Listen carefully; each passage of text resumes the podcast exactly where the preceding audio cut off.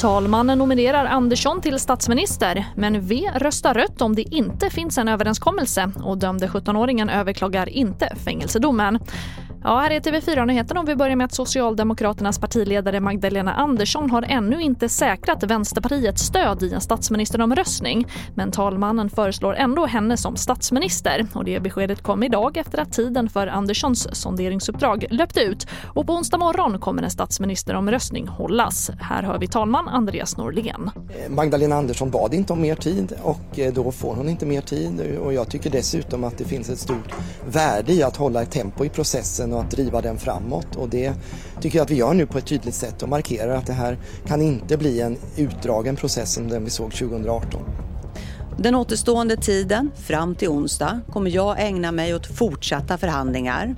Jag är övertygad om att om viljan finns så kan vi stärka ekonomin för de pensionärer som har det sämst ställt och göra det på ett sådant sätt att det inte omöjliggör en regeringsbildning. Däremot är det tydligt att det är bråttom. Och sist hörde vi Socialdemokraternas partiledare Magdalena Andersson. Och enligt Vänsterpartiets ledare Nooshi Dadgostar har diskussionerna i mångt och mycket handlat om vänsterns krav på att höja garantipensionen. Och Dadgostar betonar att hon inte är beredd att släppa fram Andersson utan ett avtal. Vi har ju erbjudit oss att nu genom en förhandling eh, stötta en statsminister. Har vi inte en uppgörelse, ja, då kommer vi att rösta ut.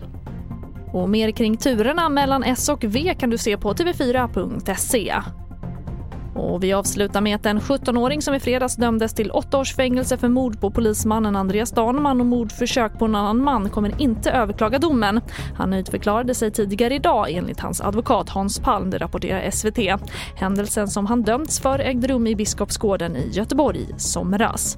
Och det var det senaste med TV4-nyheterna och fler nyheter det hittar du alltid på vår sajt tv4.se. Jag heter Charlotte Hemgren.